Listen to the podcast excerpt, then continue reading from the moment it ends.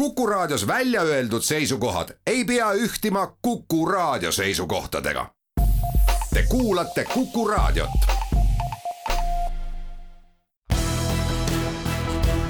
olukorrast ajakirjanduses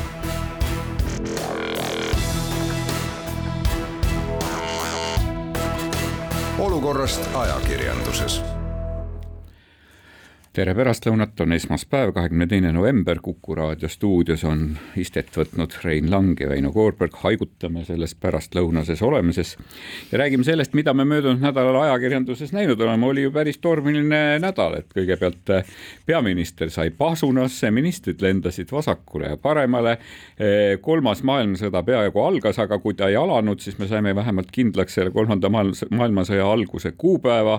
no ja ajakirjandus kõike seda, kõige, kõike kõike seda pidi kajastama ja lisaks ka kõiksugu toredaid uudiseid, näiteks kasvõi seda, et seksivad seksuaalvähemused hävitavad Kanaari Maspalomase liivatüüne ja nad on juba. räägi sellest uudisest lähemalt. see uudis oli, see uudis mulle tegelikult ikka väga meeldis, sellepärast et et seal me lugesime sellest, et kuulsad Kanaari saarte liivatünnid, et seal seksivad seksuaalvähemused kahjustavad sealseid, seal, sealset taimestikku vähemalt kaheksa liiki olla seksimise tagajärjel kahju saanud ja, ja siis eh, loomad, ennekõike haruldased sisalikud võivad nõnda nälga jääda ja selgub, et isegi, isegi mitmed muidu meduusidest toituvad sisalikud on söönud kondoome ja neile on selle tagajärjel paha hakanud, et see oli üks sisukamaid lugusid möödunud nädalal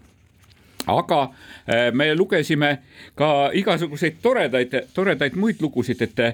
mina muidugi esimese hooga märkasin pealkirju ja mind alati äh, köidavad väga pealkirjad, et kus räägitakse inimkeha eritistest, sest kui mina õpetan ülikoolis pealkirjade panemist, siis ma alati hoiatan, et ei tohiks, ei tohiks äh, inimkeha eritisi pealkirjas mainida, inimestel on seda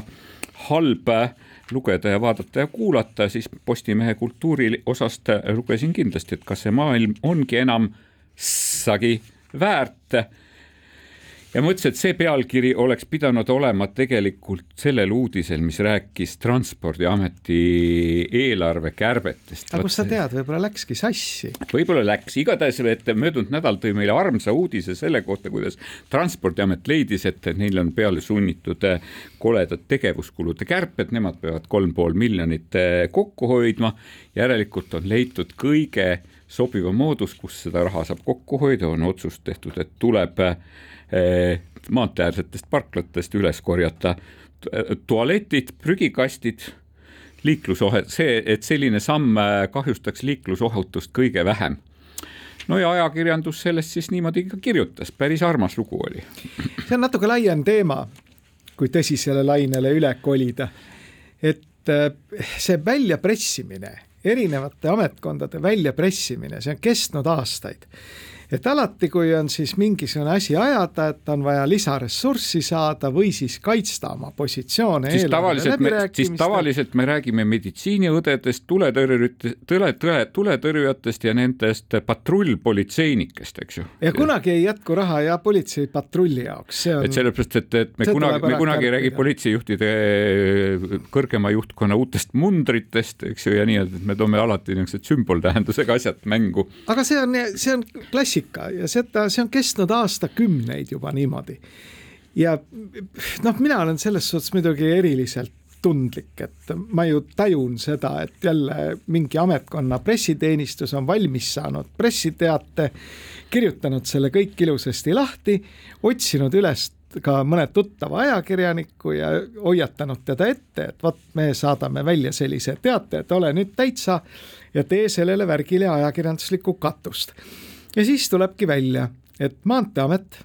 mille eelarve on ju tegelikult kolossaalne. nüüd on ta Transpordiamet, meil on nüüd liidetud kõik üheks suureks ametiks. aga ehitatakse aastas, eks ole, kilomeetrite kaupa kiirteid, sõlm, neid äh, silmus äh, ristmikke, mida iganes ja selgub, et mida ei jaksa üleval pidada, on kuuskümmend maanteeäärset prügikasti prügikasti oli kuuskümmend kolm andestes parklates ja Transpordiametile kuuluvaid tualette üle Eesti kuuskümmend üks ja neile kulub aastas siis äh, peldikute ülalpidamiseks nelisada seitsekümmend kaks tuhat eurot ja prügikastidele kakssada kuuskümmend seitse tuhat eurot. et kokku tuleb siis kuskil kuussada tuhat, eks ole, kuussada tuhat eurot. Need likvideerime ära, meie ümbrit, teede ümbrus muutub, eks ole, selliseks toredaks miiniväljaks. jah, libemiinidest me lubasime selles saates rääkida, aga, aga no ühtepidi ongi see, et, et, et sina nagu püüdsid seda äh, juga juhtida ajakirjanduse rüppe, mina tegelikult ajakirjandust siin ei süüdista, ühtepidi ajakirjandus tõi täiesti selgelt esile selle ja minu meelest lisas sellele ka konteksti ja kommentaari. Ja mulle tegelikult väga meeldis, mulle väga meeldis see, mida ütles äh, Circle K endine juht Kai Realo ta muidugi kasutas äh, Lennart Meri kuulsat laus, lauset Tule taevas appi aga ta ütles, et ta, ta on, ütles, et see nagu iseloomustab siis Transpordiameti või toonase Maanteeameti nagu üldist seisukohta, ta kirjeldab seda muidugi oma äh, senisest äh, tööpraktikast, et kui Circle K soovis ehitada uute maanteede äärde teenindusjaamu, kus on ka prügikastid ja tualetid, siis, siis see Maanteeamet oli nagu, leidis alati tuhat põhjust selleks, et, et saada sellist asukohta, kus Maanteeamet lubaks sinna peale ja mahasõitu, sisse ja väljasõite eh, sinna korraldada ja, ja ütles, et, et niisugune valdav seisukoht Maanteeametis oli, et Eesti on nii väike, et siin inimene saab sõita kogu riigi korraga servast servani läbi ja tal polegi vaja tee peal ei tankida, süüa ega tualetis käia, et, et minu meelest mäletad, et see oli see siin Teeme teeme ära kampaanias ükskord vist oligi see, et kus peaminister käis ise eh, ühes eh, puhkealas ja korjas sealt eh, ümbritsevast metsatukast neid plastmassist, häguse vedelikuga täidetud plastmassist pudeleid, eks ju, mida kaugsõiduautojuhid olid sinna poetanud, et eks ju, et, et arvatavasti siis eh, transpordiamet sai selgeks, et kellele see mõjub, see ähvardus, usutav heidutus. ei jaa, aga sa nüüd oskuslikult viisid juttu ajakirjanike vastutuselt kõrvale nüüd eh, minu meelest, kui järjekordne selline pressiteade peaks kuskilt ilmuma, et meie siin kümnete miljonite või sadade miljonite eurode eelarve juures ei leia vahendeid, et kuskil hoida prügikasti, siis selle peaks ju ajakirjanik oma ettevalmistuse piires ära tundma, et see ei ole tõsiseltvõetav jutt. Ja nüüd saatma siis jutu autorit puu taha ja muidugi kõigepealt mitte tegema oma lapsepõlvesõbrale katust sellesama jutu levitamise peale. Et need, need iga, minu arust iga mõistusega ajakirjanik tunneb ära need kohad, kus nüüd eriti, mis puudutab neid materjale, mis hakkavad ilmuma üks kuu aega enne Riigikogu, mitte Riigikogu, vaid valitsuse eelarve menetlust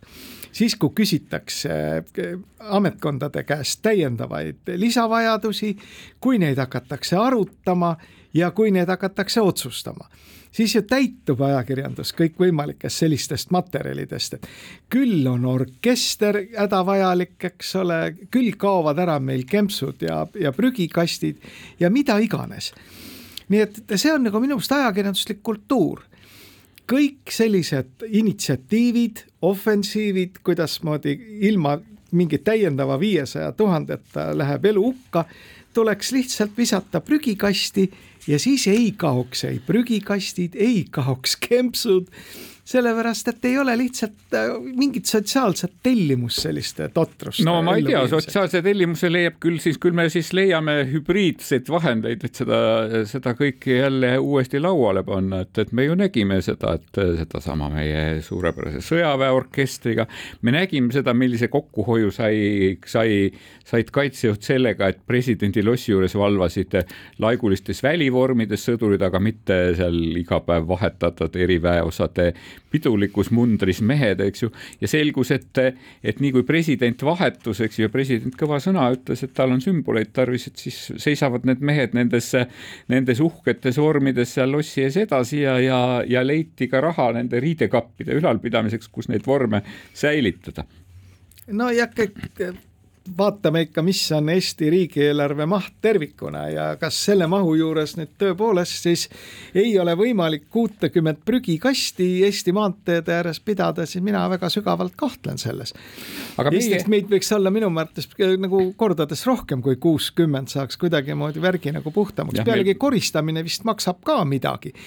või siis võtame selle hoiaku, et ei korista ka, et las siis kõik upume selle solgi no, sisse ära. see ongi see hoidut-, heidutav, et, et mida koledamad nad on, seda vähem tahad sa neid kasutada. aga meie teeme siinkohal väikese pausi, kuulame reklaami. olukorrast ajakirjanduses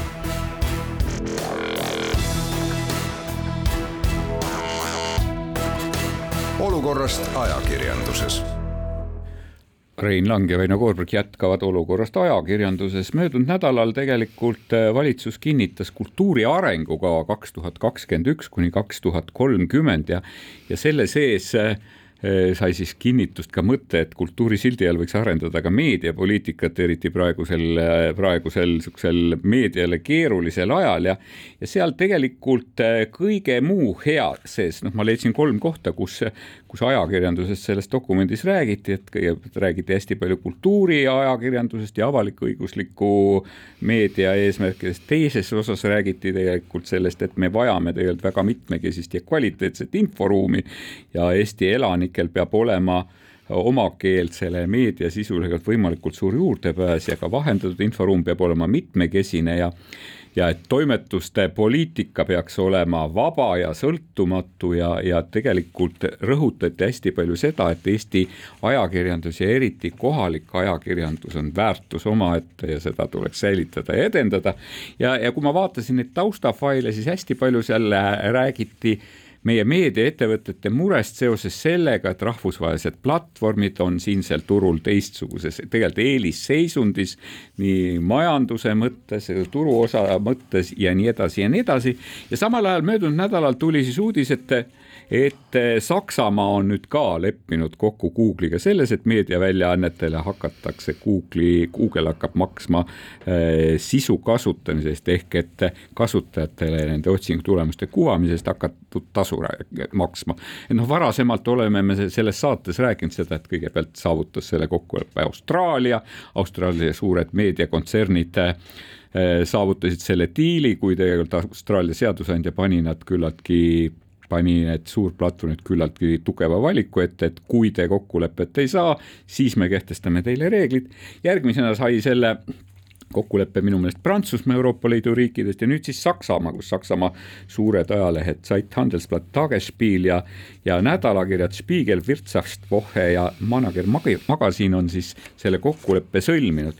ja samal ajal tuli meil siis tegelikult küsiti, ERR küsis kommentaari selle kohta, et, et miks siis Eesti meediaväljaanded seda ei tee mis vastus oli? no kõigepealt muidugi sa tsiteerisid seda tähtsat dokumenti. ma küll refereerisin täiesti. kultuuri arengukava ilusad loosungid, eks ole. ja aga nad, need on sedasorti loosungid, mida võib kirja panna, aga ilmtingimata ka ei pea kirja panema, välja arvatud tõesti see üks koht, millega ma olen nagu sada protsenti nõus, et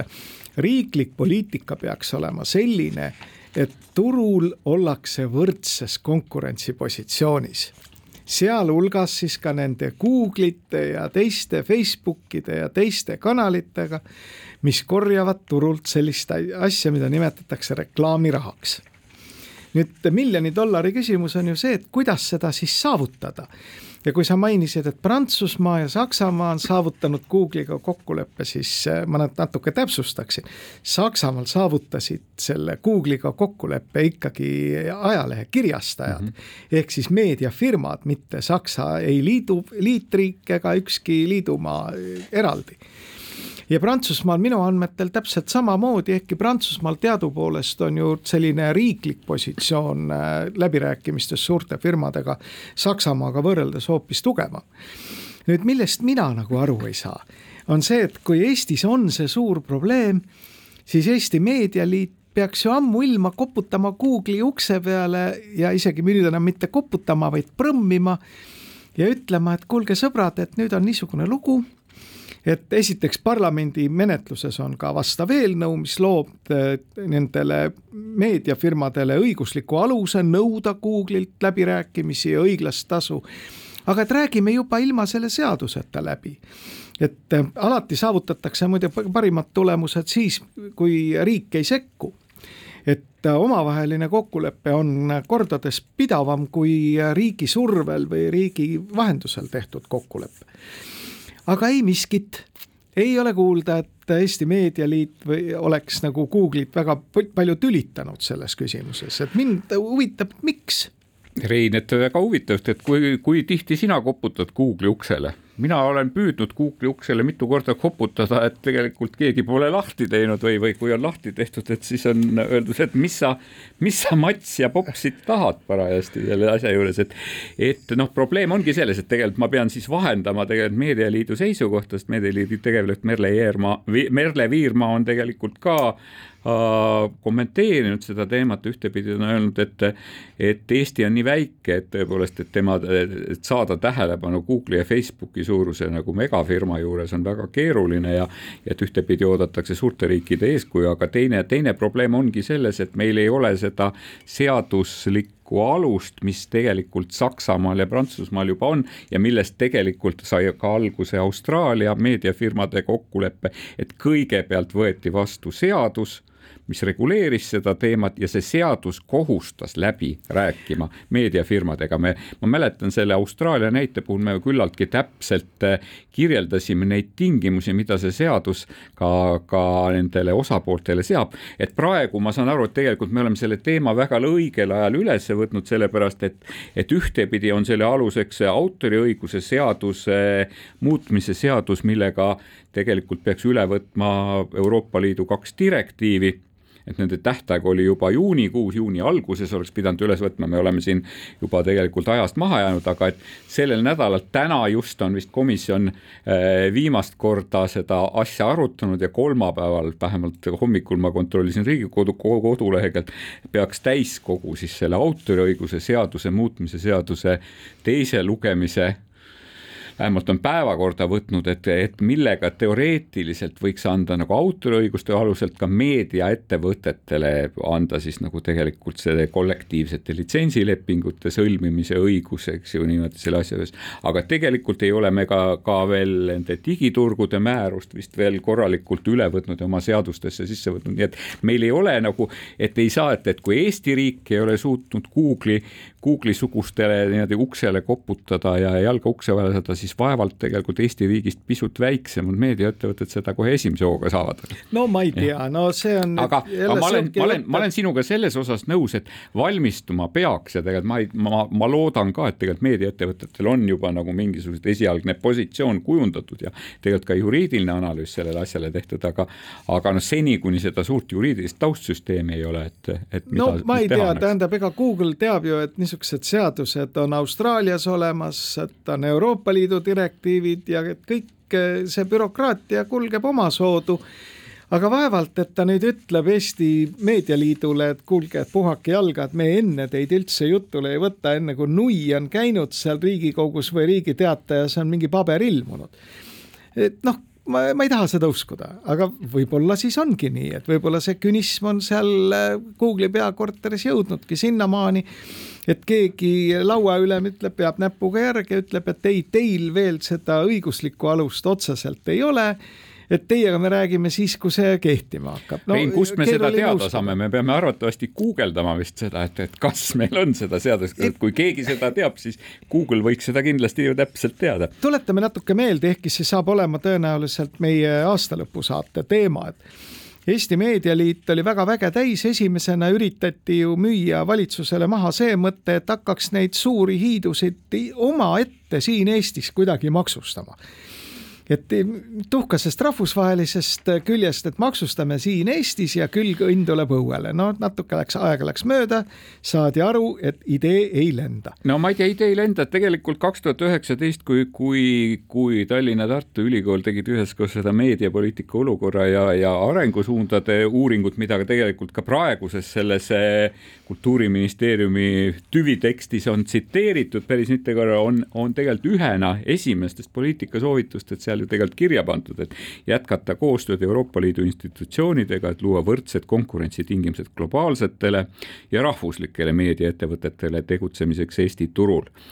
eks ju, ja seal on teemadena märgitud globaalsete ettevõtete maksustamine, reklaamiraha väljaviimise kompenseerimine, ettepanek on ka platvormid lugeda kirjastatakse ja nõnda neid käsitleda seadustes ja maksustamises. jah, aga Euroopa Liidu tasemel ju need otsused ongi tehtud, ega siis äh, nüüd on vaja need ka seadusega siis tsementeerida Eesti siseriiklikku õigusesse. aga veel üks kord, et me täna räägime ju Google'i poolt õiglase tasu maksmisest sisu eest, mida nad kasutavad ja selles osas ei ole ju õigusruumis mingit takistust seda tasu nõuda. ehk siis koputada jah uksele, öelda, et kuulge, sõbrad, räägime läbi, kuidas see Eestis täpselt välja hakkab nägema ja see peabki hakkama välja nägema selliselt, et Google, kui ta seda omaenda äritegevuses, seda Eesti meediaettevõtete sisu kasutab, peab ta selle eest neile maksma ja ma ei näe nagu selles midagi halba, et koputada uksele enne seda, enne kui riik jälle mingisuguse otsuse teeb. no siin on jälle mulle tundub, et me, me, me, me no, armastame aru, seda väga, riiki sedavõrd, et, me sageli, loodame tema peale kuni surmani. Rein, et väga sageli see taandubki tegelikult nende sama autoriõigustele ja varalistele õigustele, mul on tunne, et seal ikkagi see konks on praegu peidus, et kuna see seadus ei ole nagu selle digimaailma, selle maailma digi, digi, digistumisega kohanenud veel, et siis ei ole meil arvatavasti seda head ja täpset seaduslikku alust selle, selle, selle asja no, jaoks. mina ja, julgeks juhtida tähelepanu, et selline säte, et autoril on õi-, võõrandamatu õigus oma teose autorsusele ja tasule selle kasutamise eest, on Eesti seaduses juba alates tuhande üheksasaja üheksakümne teisest aastast, eks ei, ole. seda küll, aga. aga, ei ole nagu midagi meil, kuidas, muutunud. kuidas meil on nende väljaannetega, küsimus on, on muidugi omaette see, aga ma saan aru, et seesama, see autoriõiguse seadus on ja selle täiendused ja, ja kooskõlastamine Euroopa Liidu direktiividega on nagu kuum kartul veerenud aastaid juba, juba mitu-mitu aastat siin tegelikult laualt lauale ja ei ole jõudnud. ma, ma, ma loodan... üritaksin täpsustada siin, tähendab mitte see ei ole veerenud nagu kuum kartul, aga lihtsalt pandi väga paljud asjad jälle ühte patta et oleks kergem maitsestada soola ja pipraga. Ja sündis selline eelnõu, mille nimi on meediateenuste seaduse eelnõu, kus on paljud asjad koos, sealhulgas ka siis see vihakõne ja, ja tehnilise järelevalve ameti võimalikud repressioonid meediaettevõtete suhtes. Ja no sellepärast see kõik venibki, et teinekord oleks otstarbekas tegelikult see reguleerimisese ühes asjas teha eraldi, mitte lükata kõike ühte patta. No igatahes jääme ootama, kuidas kolmapäeval see asi Riigikogust läbi läheb, meie siinkohal teeme väikese reklaamipausi. olukorrast ajakirjanduses.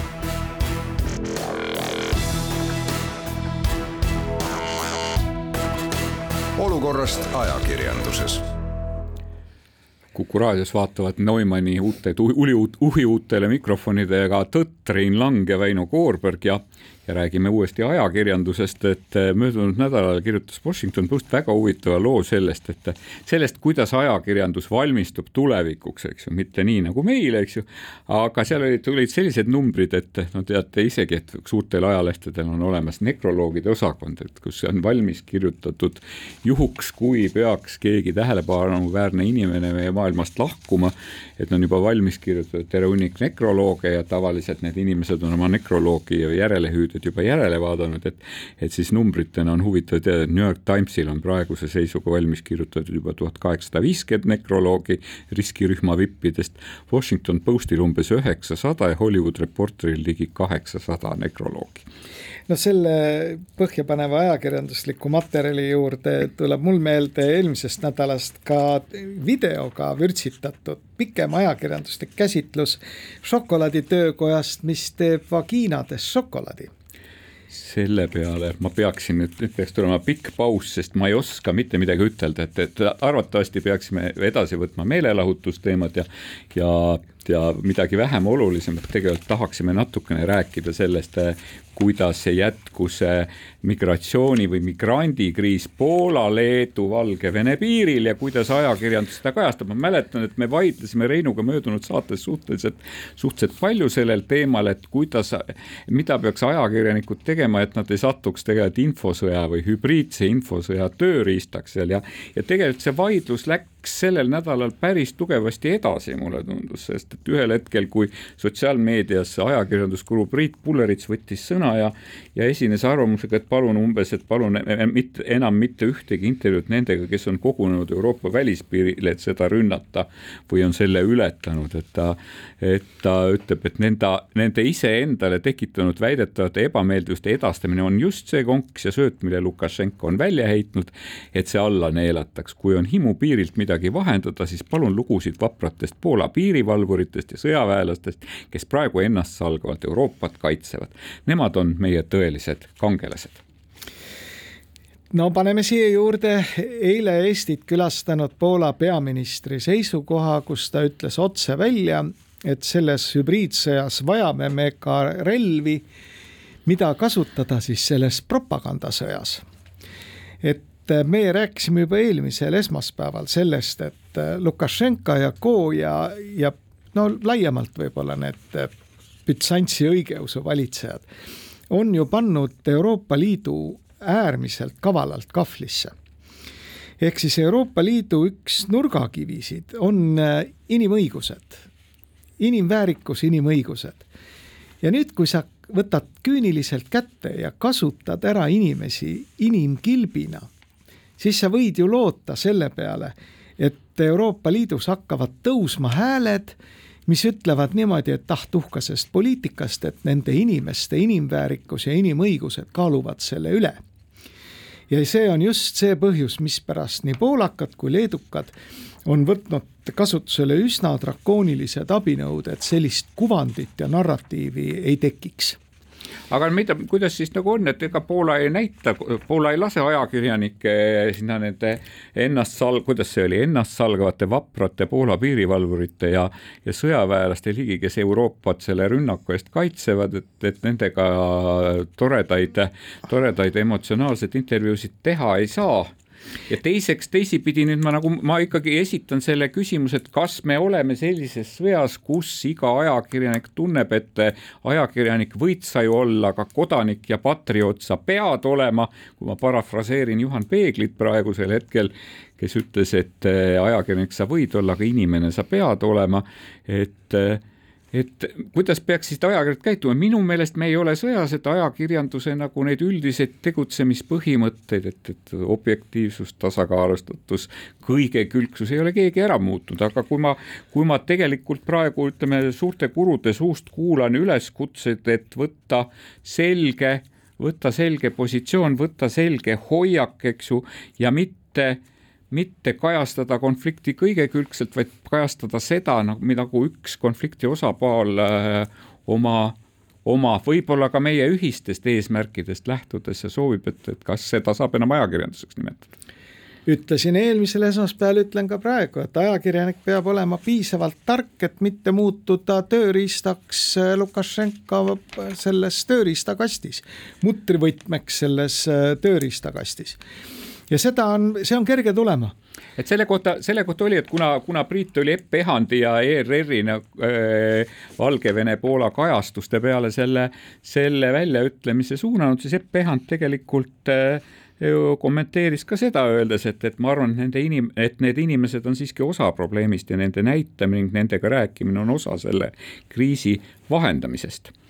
aga minul näiteks ei ole Epp Ehandile midagi ette heita, ma arvan, et tema lood on olnud väga tasakaalukad, väga kõrgel ajakirjanduslikul tasemel ja tõesti jah, näidanud natukene ka siis seda teist poolt selles asjas, aga mitte Epp ei ole muutunud selleks mutrivõtmeks Lukašenka tööriistakastis. küll aga ma näen seda, et hakkavad ilmuma mingid huvitavad lood mingitest abiorganisatsioonidest, kes siis kirjeldavad värvikalt seda, mismoodi neile tehakse mingeid takistusi nende pühas ettevõtmises ja pühas töös selgusetuks jääb see, kes neid nõndanimetatud abiorganisatsioone rahastavad, mis on nende eesmärk aga tähtis on ju jätta see kuvand, et vot kuri valitsus, eriti kuri on muidugi Poola valitsus, teeb takistusi nendel osutamaks humanitaarabi. No ma vaata selle koha peal äh, jäämegi me Reinuga tavaliselt lõputult vaidlema ja, ja noh, teemaks on päris mitu sellist seda tüüpi lugu, et mul on küll tõepoolest ka lugusid, mille, millele ma saan ette heita asju, et sellepärast, et, et lugesin ise Delfist tegelikult äh, materjali sissevaade Leedu pagulaslaagritest, päris inimeste päris lood on jäänud tagaplaanile ja mul on et, vormilisi etteheiteid, sest tegu ei ole ajakirjaniku materjaliga, vaid tegu on tegelikult mittetulundusühingu Eesti Pagulasabi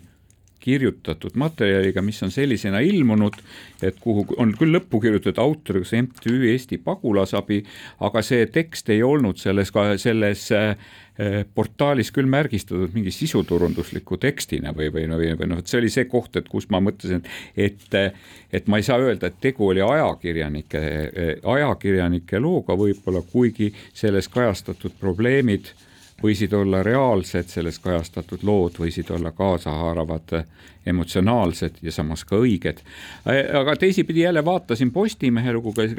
kus on äh, Margus Partsi lugu Postimees Leedus, ma ei tea tegelikult, kui palju inimesi on piiril surnud, mis oli tegelikult täpselt sama, see oli ajakirjanduskajastus sellest, sellest äh, Leedu-Valgevene piiril äh, tegutsevast vabatahtlike ühendusest. et selles, ma pean ka ütlema, et loomulikult, et see lugu tekitas mus mitmeid küsimusi, kuid seal oli detaile, mille puhul ma leidsin küll, et nende avalikustamine oli vajalik, ka seesama, seesama, kuidas kirjeldatakse, kui raske on Punasel Ristil tegelikult tegutseda selles piirkonnas just elementaarsete,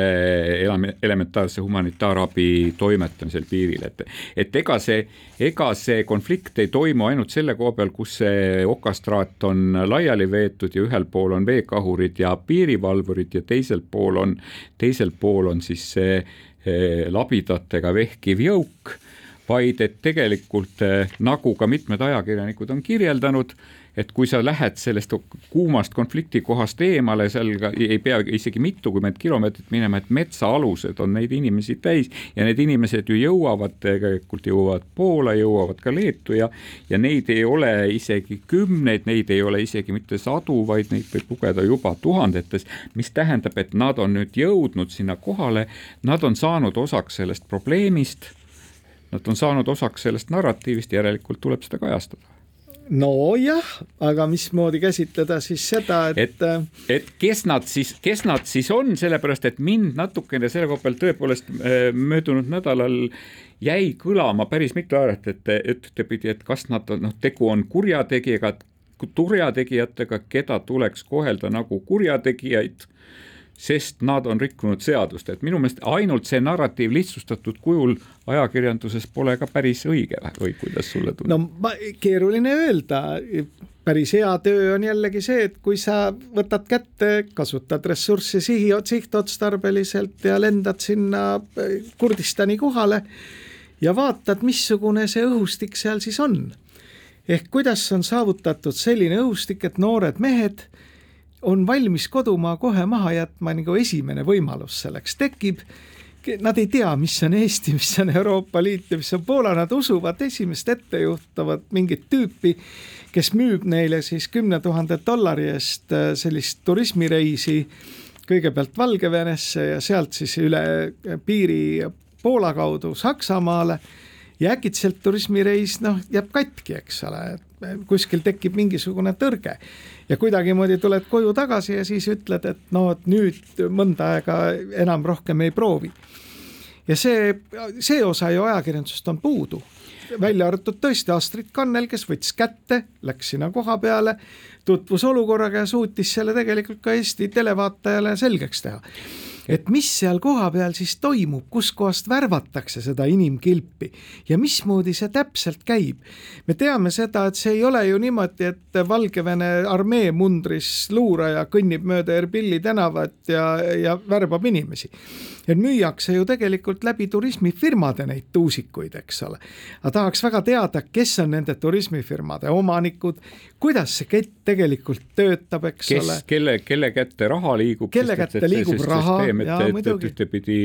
on, on, on seal ütleme niimoodi nendes koha peal, kuhu liigub raha ja kelle kätte liigub raha, kelle kätte liigub raha Valgevenes ja noh, kasvõi seesama, et, et kui Batka Lukašenka ütleb, et meie sellest saame ainult jama kaela, mingit tulu ei tule, siis tegelikult ajakirjanikud on selle ju välja toonud, et juba pelgalt ühe selle viisa pealt teenib Valgevene ligi tuhat dollarit oli see summa, mis nagu ühe selle konkreetse tulija pealt ta teenib. aga seda nagu ootakski ajakirjanduselt, et tegelikult on nüüd see koht, kus see uuriv ajakirjanduslik pool peaks hakkama lahti lammutama kogu seda ketti, ega siis äh, tõepoolest, no meil on nagu selline ettekujutus täna loodud, et jah,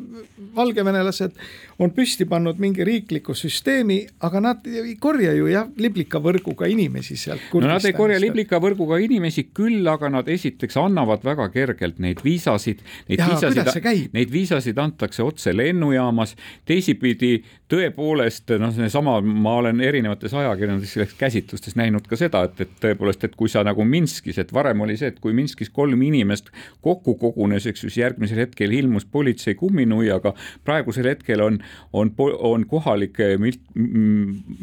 Minski politsei muutunud kuidagi hästi sümpaatseks ja, kuidagi ka kaasa, kaasatundlikuks ja kokkuhoidvaks nende samuste eh, tulijate kolonnidega, kes seal on sajakesi, kes võib-olla isegi teevad väikese lõkke sinna kõnnitee peale ja, ja, ja, ja tulevad ja küsivad, et kas teil äkki oleks bensiini vaja või välgumihklit süütamiseks, eks ju. et, et no see on, see on ka, see ei saa toimuda ilma nagu siukse üldise riikliku heakskiidu, aga, aga see, et, et ajakirjandus peaks oma peaks ühtepidi olema kriitiline ja mõtlema tõsiselt oma rolli peale, et sellest samast Postimehe loost, eh, selles loos äh, peamine allikat, peamine allikas kirjeldabki seda. ma mäletan, et kui see algas, siis kaks kuud kirjutasid ajakirjanikud ainult seda, mida poliitikud ütlesid, et me oleme sõjaseisukorras ja et migrandid on valetajad, ehk et see dehumaniseerimine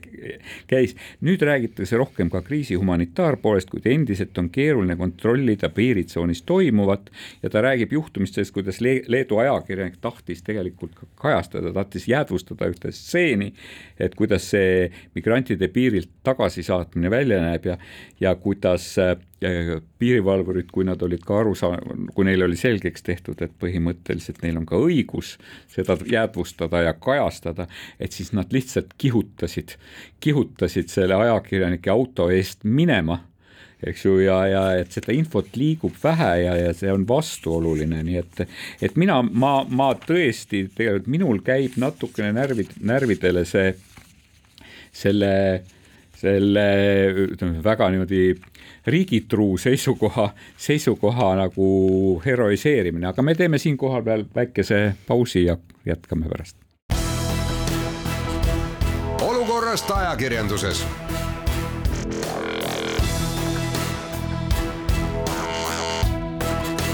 olukorrast ajakirjanduses Rein Lang, Väino Koorberg, viimane veerand olukorrast ajakirjanduses, rääkisime Valgevene, Leedu, Poola eh, siis põgenike eh, kriisist ja selle kajand-, kajastamisest ajakirjanduses ja otsapidi see, otsapidi see pinge jõudis ka Eestisse ja tegelikult me nägime kohe, et, et kaitsejõud kuulutasid välja erakorralise erakorralise kordusõppuse, iga oka, okas, iga okas loeb ja neid okkaid loeti siis tõepoolest äh, seal eh, meie idapiiri metsadesse päris korralikult telekaamerate ees, me nägime, kuidas okastraati, okastraati laiali veeti ja poliitikud said ka kinnitada, et Eesti on kaitstud kui ei, ei kunagi varem jah, sellise käsitluse juures muidugi on see hüsteeria ja hirmuõhkkond üsna kiire tulema. et kui tõesti riigi kõige olulisem teleuudiste saade pühendab väga pikalt ruumi sellele, kuidasmoodi idapiiril pannakse lõiketraati püsti, sest kohe-kohe-kohe, kohe-kohe-kohe läheb seda vaja, siis eks see põhjustab muidugi väga paljudes inimestes sellise hirmutunde ja, ja soolade ja tikkude kokkuostmise ja mida iganes veel kas siin on ajakirjandus oma rolli õigesti täitnud, sest mulle tundub, et, et nende kaadrite peale olen ma väga mitmes ajakirjandusväljaandes lugenud materjale selle kohta, kuidas meie idapiiri kindlustamise, kindlustamise projekt Eston Kohveri intsidendist saadik on poliitikute käest pingpongina käinud edasi-tagasi, edasi-tagasi, küll on olnud liiga kallis, küll on olnud pinnas liiga soine, küll on olnud liiga uhke, küll on olnud liiga vaene ja nii edasi ja nii edasi, et, et kuidas me nüüd oleme sellisesse no, olukorda eks ta nüüd natuke saamatu mulje jätab küll jah, arvestades sellega, millal see initsiatiiv, poliitiline initsiatiiv, see piir ehitada välja ka füüsilise tõkkega, millal see langetati ja kus siis täna ollakse et see aeg on olnud ikka väga pikk, eks ole, ja tulemused no niisugused keskpärased, eks ole, ja seda, et tänases olukorras tuleb leida mingeid ajutisi lahendusi, mis lõppas, mis viivad selle ikkagi sama kalliks nagu see esimene kallis projekt ega ma tea. loomulikult ma, on see ajakirjanduslik käsitlus. mina ei oska isegi ka nagu tegelikult, et ma olen väga va, va, kuidagi vastuolulisel seisukohal seoses selle suurepärase näidis okastraadi vedamisega, sellepärast et praegusel hetkel tõepoolest, et kui, kui me varem rääkisime piiri väljaehitamisest, et siis nüüd me räägime sellest, et tuleb võtta no tavaliselt eh, edukatel ametikohtadel töötavad noored mehed, eks ju, kes Eesti riigile ja Eesti majandusele võib-olla suudaksid eh, oma kasu tuua oma otsustega panna nad siis ja panna nad, anda, anda neile kindlad kätte, laigune vorm selga ja panna nad siis eh, metsa okastraati vedama, ma ei tea, kas see kõige nagu otstarbekam moodus oli nüüd praegusel hetkel. keeru-, väga keeruline öelda, mis minule väga meeldib muidugi, on see Eesti tänane käsitlus, et eh, me peame olema ja näitama ka üles konkreetsete sammudega solidaarsust leedukate ja poolakatega. see, et Eesti kaitsejõud lähevad sinna Poola et see ei ole ju teab mis tohutu militaarne jõud aga see, et see sinimustvalge lipp seal on ja et ta on Eesti väeosa, eks ole, kes nende poolakatega suhtleb, minu meelest on see ülivajalik, täpselt samamoodi nagu Leeduski. aga nüüd see eile õhtul jah, mind nagu haaras teatav nõutus, kui ma nägin seda pilti, mismoodi nüüd Narva jõe sinna kuivanud sängi seda okastraati pannakse, et et eh, noh, koos õpetussõnadega, et näete, me paneme selle sellesse kohta, eks ole, ja traat on selline, et sinna, sellele hakkavad peale lõiketangid number kuuskümmend kuus, eks ole. Et äh, kas see on nagu nüüd nagu kõige mõistlikum käsitlus, see ja see ei tule mitte nüüd ajakirjanduse initsiatiivist, vaid see tuleb väga selgelt Eesti jõuametkondade. ja see on jõuametkondade, see on ka riiklik kommunikatsioon siis, kas see näidat... siis, kas see siis nüüd on, et Kennedy suhtleb Hruštšoviga või? nojah, see keegi on kuskil nagu välja mõelnud, et näitame nüüd Eesti rahvale, et me võtame abinõud tarvitusele ja meil on kõik Usut, on tipp-topp ja me saame asjadega ilusasti hakkama. samal hetkel, kui see pilt, eks ole, mingitele niisugustele pioneeriväeosa vanadele noh, tundub natuke, natuke imelik, eks ole et ja kindlasti tekitab see mingisugust ka vanemates inimestes ütlevad no, et noh, et sõda pole enam kaugel, et nüüd äh, lapselaps ole täitsa, mine käi poest ja too natuke soola ja tikku. et äh, ja ma kordan veel ükskord, et selline noh, hüsteeria õhkkonna tekitamine ei ole mingil juhul mõistlik, eks ole, ja see, et sinna traati pannakse ja kaevatakse võib-olla mingi kraav, see on täiesti loomulik. Kas seda peab eksponeerima sellises vormis ja sellises ulatuses, see on minu jaoks väga kaheldav aga sel, selle juurest suundume siis äh, kiirelt, äh, vaatame, mis meil pikalt kajastamata jäi, äh, teeme siis selle meie kuulates väga populaarse, väga populaarse žanri, et need lood, millest me oleksime võinud rääkida, me tegelikult oma mainimise tahaks ära öelda seda, et, et Delfi, kes kuu aega tagasi lõpetas koroonateemaliste lugude kommenteerimise võimaluse, teatas, et ta, et ta seda kommenteerimise võimalust piirab vähemalt aasta lõpuni ja tegelikult Urmo Soonvald, kes, kes sel teemal sõna võttis, tegelikult oli väga kriitiline Eesti poliitikute suhtes, kes kes ei ole tegelikult selle kriisi jooksul astunud mingisuguseid samme selleks, et sotsiaalmeedias levivaid valesid kuidagi piirata või neid samu äh, panna sotsiaalmeedia suuri organisatsioone vastutama. me pikalt ei jõudnud rääkida tegelikult äh, kogu sellest kommunikatsioonist, ma ei tea, kas see oli õnnestunud või ebaõnnestunud, mis Tõnis Mölderi keskkonnaministri tagasiastumist saatis. ajakirjandus sai haisu rinna ikkagi natukene varem ja, ja tundus, et need avalikud seletused ei olnud liiga, ei olnud liiga usutavad äh, selle asja juures, et esitasin retoorilise küsimuse, et kas oma probleemidest äh, ja oma sõltuvustest oleks pidanud minister rääkima esimesena või pidi ta piirduma sellega, et, et ta lihtsalt vastas ajakirjanike küsimustele ja pidi taluma kogu selle asja ära. minu meelest eh, see tore, tore intriig Kallase ja Ansipi teljel eh, lõppes ka ma ei tea, kas viigiga kumm visises tühjaks, ütleme sedapidi, et, et eks eh, nojah, võib ju küsida, et kas see on ajakirjandus, kui Ringvaatest tuleb üks endine poliitik ja vajutab labidaga kellelegi vastu pead ilma et seesama väljaanne pakuks siis teisele poolele võimalust nagu midagi selgitada, aga ju ei olnud ka midagi selgitada, igal juhul see case on selles, selleks korraks siis lõpetatud, aga kui sa mainisid Urmo Soonvaldi, siis see, et tema nagu räägib, et riik võiks sekkuda sellesse sõnavabadusse, see on minu jaoks märgilise tähtsusega ümberkehastumine. aga meie saadame tervituse siis praeguse Kaja Kallasele Andrus Ansipile ja tervituse Helsingi Eesti Muusikastuudio laululastelt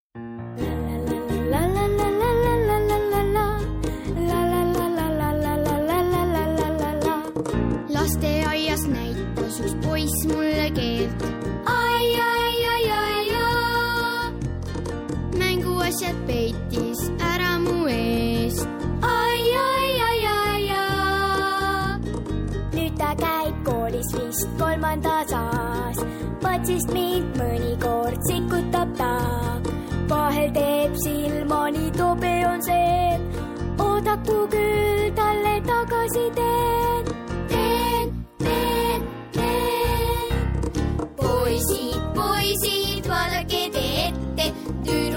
on sirgumas blonde ja brünette, kõik on nagu nukukesed, ilusad ja head. sina aga ühel päeval kaotada võid pea. õde on mul väike, käib lasteaias veel. ai, ai, ai, ai, ai. jälle üks poiss seal näitab talle keelt. ai, ai, ai, ai, ai. enam ma ei mõista ja aru ma ei saa kas siis ajalugu võib korduda ka? nõnda vist oli ja nõnda jääb see. tüdruk kord poisile tagasi teeb, teeb, teeb, teeb. poisid, poisid, vaadake te ette, tüdrukuid on sirgumas blonde ja brünette, kõik on nagu nukukesed, ilusad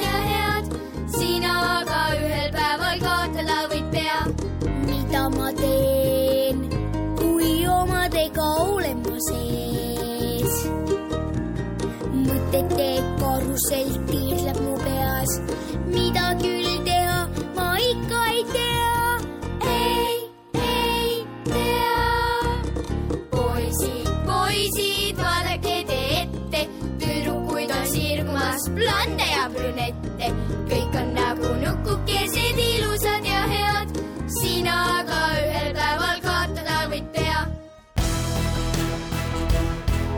olukorrast ajakirjanduses.